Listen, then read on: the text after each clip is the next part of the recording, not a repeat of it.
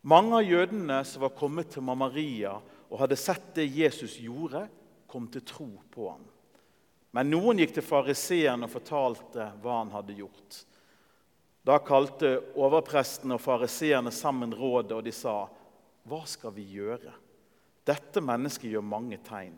Lar vi han holde på slik, vil snart alle tro på ham. Så kommer romerne og tar både det hellige stedet og folket vårt. En av dem, Kaifas, som var øverste prest det året, sa da.: Dere skjønner ingenting. Dere tenker ikke på at det er bedre for dere at ett menneske dør for folket, enn at hele folket går til grunne. Dette sa han ikke av seg selv, men fordi han var øverste prest i året, talte han profetisk om at Jesus skulle dø for folket. Ja, Han skulle ikke bare dø for folket, men han skulle også samle til ett de Guds barn som er spredt omkring. Fra denne dagen la de planer om å drepe ham. Slik lyder det hellige evangelium. I Den norske kirke så har vi noe vi kaller et kirkeår. Og så har vi tekster som er satt opp til hver eneste søndag. Og til denne søndagen her, Hvis dere hadde vært på en høymesse, søndagsgudstjeneste klokken 11, så har dere først fått høre fortellingen om Abraham som blir satt på prøve av Gud. Han får beskjed om å dra av gårde til et fjell, ta med ved og ild og bygge et alter. Og så får han den utrolige og forferdelige utfordringen med det han skal ofre, det å slakte sin sønn Isak. Legge han på alteret og brenne kroppen hans til ære for Gud for å teste hvor hardt tror du på meg, Abraham. Og så var jo også Den siste teksten, der handler det om Jesus som øverste prest, den himmelske øverste presten. Uten å lese de tekstene, for jeg skal ikke kjede dere med altfor mange tekster, så vil jeg i dag prøve å dra noen linjer mellom disse tre fortellingene. Abrahamsteksten, der Abraham ble utfordret, dagens tekst, og litt om Jesus som himmelsk øverste prest. Jeg vil dra dere med på en reise. En reise som peker frem mot påskens drama, men uten at vi nødvendigvis skal til en helt konkret konklusjon. Jeg vil gjøre noe som Nils Forlund på Norges høyfjellsskole prøvde å lære oss om tur. Han sa turen har ikke et mål. Målet er turen. Så I dag får dere leve litt med at det er fortellingen som går, så jeg har lyst til å ha dere med i. Men konklusjonene kan det være du skal få dra sjøl. Vi starter litt i dagens tekst. Det Jesus akkurat hadde gjort forut for dette, det var at han hadde vekket Lasarus opp fra de døde. Det var derfor folket var kommet til tro. Og Også Lasarus la de planer om å drepe. Stakkars Lasarus. Akkurat vendt tilbake igjen til livet, og så prøver noen å ta livet av ham igjen. Det En ganske kjip fortelling, egentlig. Noen løper til fariseerne og forteller hva Jesus har gjort. Så sammenkalles rådet. Det er det øverste organet, det øverste juridiske organet for jødene. Består av 71 medlemmer. Der sitter prestene, der sitter de eldste, og der sitter også de skriftlærde. Og På det tidspunktet evangeliet er beskrevet, så har fariseerne flesteparten av stemmene i rådet og Derfor skrives det mye om fariseerne i teksten. her. Så har vi en av de som leder. Han heter Kaifas. Og Øverstepresttittelen gikk i arv. Han hadde arvet tittelen av sin svigerfar. Man skulle egentlig sitte på livstid, men romerne hadde det med å sparke folk ut og utnevne folk. Men Kaifas må ha vært en ganske dyktig og en sleip en òg, tror jeg. Litt sånn politisk. For han endte opp med å sitte totalt i 18 år.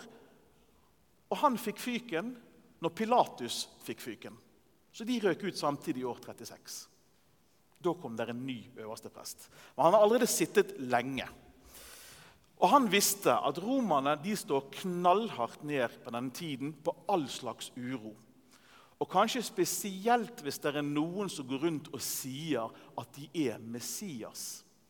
Messias betyr den salvede, og det peker på den kongen folket ventet på skulle komme som skulle være som kong David, bare enda mer. Som skulle sette dem fri fra fiender og bringe en ny tid, den messianske tid.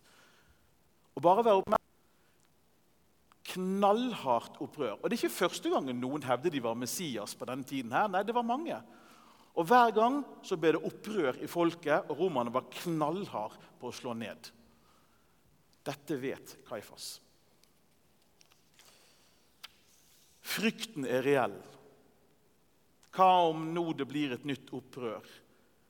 Og så tar romerne helligdommen, og så knuser de alt, inklusiv folket. Så rådet har et reelt ønske om å beskytte folket og beskytte helligdommen. Men de er veldig opptatt også av å beskytte sin egen makt. Det sier de selvfølgelig ingenting om.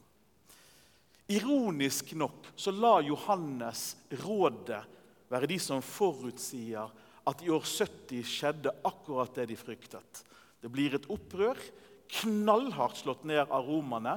Tempelet ødelegges og legges i grus og reises aldri igjen. Dagens tempelvegg i Jerusalem er resten av det tempelet. Det har aldri blitt reist et nytt et. Og På det punktet så mistet jødene all frihet og selvstyre de hadde. Og Staten Israel oppsto først igjen i 1948. Det ironiske er det de ville redde, lot seg ikke redde. Og troen på Jesus lot seg ikke stoppe, selv ikke den dag i dag. Alt de fryktet, skjedde. Det hele var for ingenting sett med deres øyne. Men Kaifas vet jo ikke dette. Han er politisk, han er pragmatisk. Så sier han det er bedre at ett menneske går til grunne, enn at hele folket går til grunne. Og så lar Johannes han gli inn i en tradisjon der folk snakker profetisk uten selv å være klar over det. Han forsto ikke betydningen av sine egne ord. Ved å ta livet av Jesus så ofra man én til fellesskapets beste. Og Det var helt akseptabelt for Kaifas. Det gjelder å redde det som reddes kan. Et lite offer for det store gode. Kristenheten har også gjort dette mange ganger med kirken Har ofret enkeltpersoner for det større gode. Så Kaifas er ikke verre enn kristne ledere som har kommet senere av paver og mektige figurer. Vi har sett det mange ganger før. Det rare og ironiske er at han anerkjenner uten å vite det Guds hemmelige plan. Jesus er kommet for å frelse folket, sette de fri. Sette Guds folk alle tider, alle steder fri fra synd og død. Kaifas vet ikke hva han sier, men han sier likevel det Gud legger i hans munn. Johannes lar også Jesus oppfylle profetiene i Gammeltestamentet. I den messianske tiden skulle Gud samle Guds folk som var spredd utover. Det ble kalt diasporaen. Utover hele Romerriket. De skulle samles og komme sammen. Til og med hedningene skulle få være med. Hele Guds folk skulle samles. Jesus overtar faktisk sjøl funksjonen som tempelet har. Og døperen Johannes' ord klinger i bakhodet. Se, der er Guds lam som bærer verdens synder. Det er det Johannes sier når Jesus kommer for å la seg døpe, når han begynner på sin gjerning. Og Når Jesus korsfestes, så erstatter han en offerpraksis som har vært lenge. Og han erstatter den jødiske påskefeiringen. Og Det er på dette punktet det passer bra å hoppe tilbake igjen til Abraham. For han er midt i den tradisjonen, i starten av den tradisjonen med offerpraksisen. Fortellingen med Abraham og Isak blir hjerteskjærende når Isak sier Se, her er ilden og veden, men hvor er brennofferlammet? Og Så svarer Abraham, Gud vil se seg ut et brennofferlam, sønnen min. Og så gikk de sammen, de to. Abraham fremstår kanskje som verdens mest grusomme far. Som tenker å ofre sin sønn og han sier det ikke til ham. Men Gud fremstår jo enda verre, som krever et menneskeoffer. Det er et ordentlig vanskelig gudsbilde vi møter her. Abraham gjør klar alteret, setter frem ved. Og så bare med en to-tre ord så står det at han binder sønnen, legger han på alteret, reiser kniven, står klar til å hugge han ned. Og Helt i det siste sekund griper Gud inn og sier, 'Abraham, ja, her er jeg, svarer han. Legg ikke hånden din på gutten og gjør han ikke noe, for nå vet jeg at du frykter Gud, siden du ikke har spart din eneste sønn for meg. Abraham består troskapsprøven, og plutselig så kommer det til syne enhver som skal ofres. Er dere enige i at dette er et forferdelig farsbilde? Jeg har veldig vanskeligheter med denne teksten. her. Kanskje ligger evangeliet i at Gud hele tiden hadde tenkt at Isak ikke skulle dø. Det får vi håpe på. Men det er likevel dypt problematisk å utsette Abraham for å skulle ofre sin sønn. Og stakkars Isak, som var helt uvitende, og at han skal plutselig ofres, ligger på alteret med faren med kniv i hendene som skal stikke han i hjel. Det er jo en grusom tekst. Men det rare er alt Isak gjenopplever, blir aldri adressert. Det står ingenting om Isak annet enn at han ble lagt på alteret. Det er noe rått og uforståelig over det hele som peker fremover mot påsken og Jesus. For tenk over det. Det er noe grusomt i Faderen som gir Jesus til korset. Vi er tilbake ved det grusomme farsbildet. Det er noe fælt her. Jeg vet ikke om du har tenkt på Det Det er vanskelig å komme forbi det punktet der. For her griper Faderen ikke inn, i motsetning til med Isak. Jesus på korset dør en forferdelig død. Og I motsetning til Isak så vet vi mye om hva det gjør med Jesus som lider, som får kroppen sin ødelagt, spikret fast, henger i time etter time, blir torturert på forhånd og det er et mysterium jeg kjenner at jeg kan ikke fullforklare det som prest. Hvorfor måtte det skje sånn som dette? Så brutalt, så forferdelig. Det er noe som dirrer i disse fortellingene. Abraham, Isak og Jesus. Det er noen paralleller og noen forskjeller. Gud setter Abraham på prøve, og i tre dager er de på vandring frem til offerstedet. Jesus er også satt på prøve i sin lydighet til Faderen, men hans vandring tar tre år fra den starter til han sjøl frivillig vandrer inn i Jerusalem. Når det gjelder Abraham, så får vi nesten håpe at han hadde kvaler når han blir utfordret på å ta et liv. For han vet det forferdelige venter. Han blir holdt frem Abraham i Gammeltestamentet som forbilde på tro. Men det er samtidig et forferdelig forbilde på tro en som er villig til å ofre sin sønn for troens skyld, fordi Gud krever det. Det er jo egentlig et fælt forbilde. Vi får bare håpe om at han var overbevist om at Gud ville gripe inn og stoppe han. Men kunne han egentlig vite det? Kunne han det? Og Gud ventet til siste millisekund. Han må ha vært full av tvil. Isak er fratatt sin stemme det eneste han sier, 'Hvor er dyret skal ofres?' Og så har han fratatt all stemme. Det står ingenting mer om hva han tenkte. Hva sier han når faren binder han og legger han på alteret for å ofres? Godtar han det, eller trygler han om nåde, om hjelp? Vi får høre ingenting om det.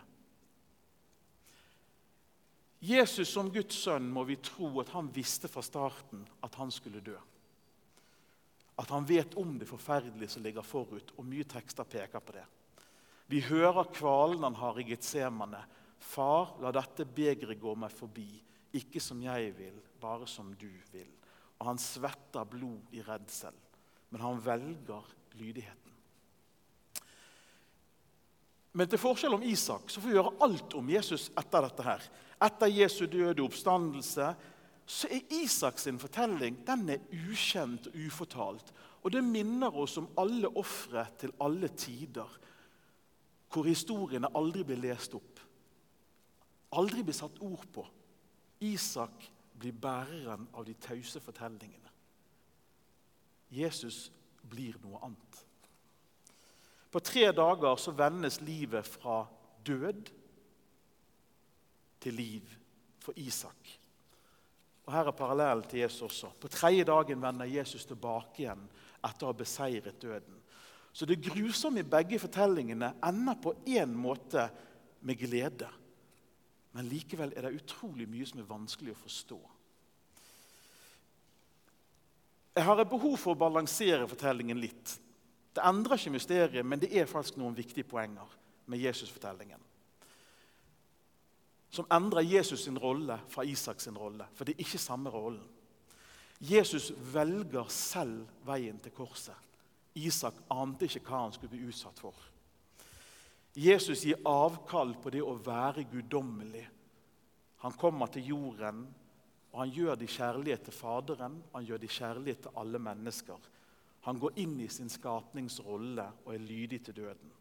Og Denne lydigheten må alltid leses sammen med kjærlighet. Gud er kjærlighet, står det i, Johannes, i 1. Johannes brev i 4. kapittel. Og Gud er Fader, Sønn og Hellig Ånd. Alt som skjer, må forstås i denne indre kjærlighetsdynamikken, som er umulig å begripe, men likevel nøkkel. Det handler ikke om å teste Jesus sin tro, sånn som med Abraham. Det handler om å redde verden. Det er et annet oppdrag. Jesus gir seg hen til den utrolig vanskelige kjærligheten. Og Han går inn i offerrollen for så å sprenge han i stykker.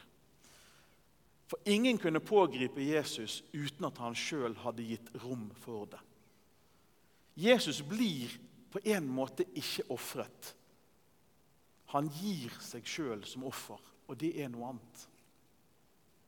Er dere med på forskjellen? Bli ofret, gi seg selv som et offer. Det er faktisk stor forskjell på. Og Jesus er ikke syndebukken, tradisjonen man hadde i å kaste alle syndene på en bukk, sende han ut i ødemarken, som han gjorde en gang i året. Jesus er ikke syndebukken. Han sprenger den rammen også ved at han blir redningsmannen i stedet for. Den kjempende, den elskende, som elsker til døden og forbi. Evangeliet må alltid leses med kjærlighetens briller.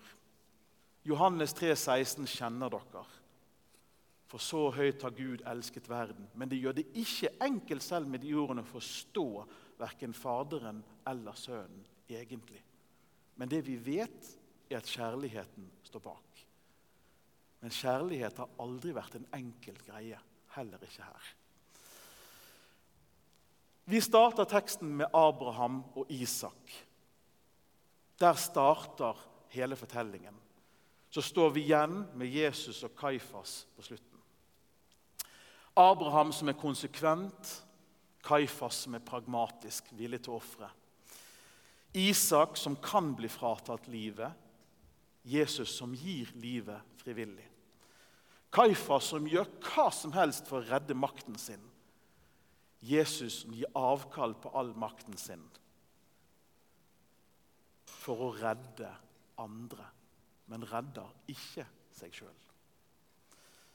Kaifas, som er følelseskald og villig til å ofre en annen, tilsynelatende for det felles gode, det var jo noe der òg, men det var noe mer. Og Jesus som elsker og ofrer for å frikjenne menneskeheten. Som er uten synd og baktanker. Og Jesus viser oss da en annen type øverste prest, den himmelske. Som både er offerlammet og øverste presten på samme tid. Innehar begge rollene på et umulig vis. Han er det eneste offeret som tar bort synden for alltid.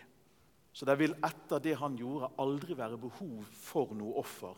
Fordi nå rår tilgivelsen som Hebreabrevet 10 snakker om.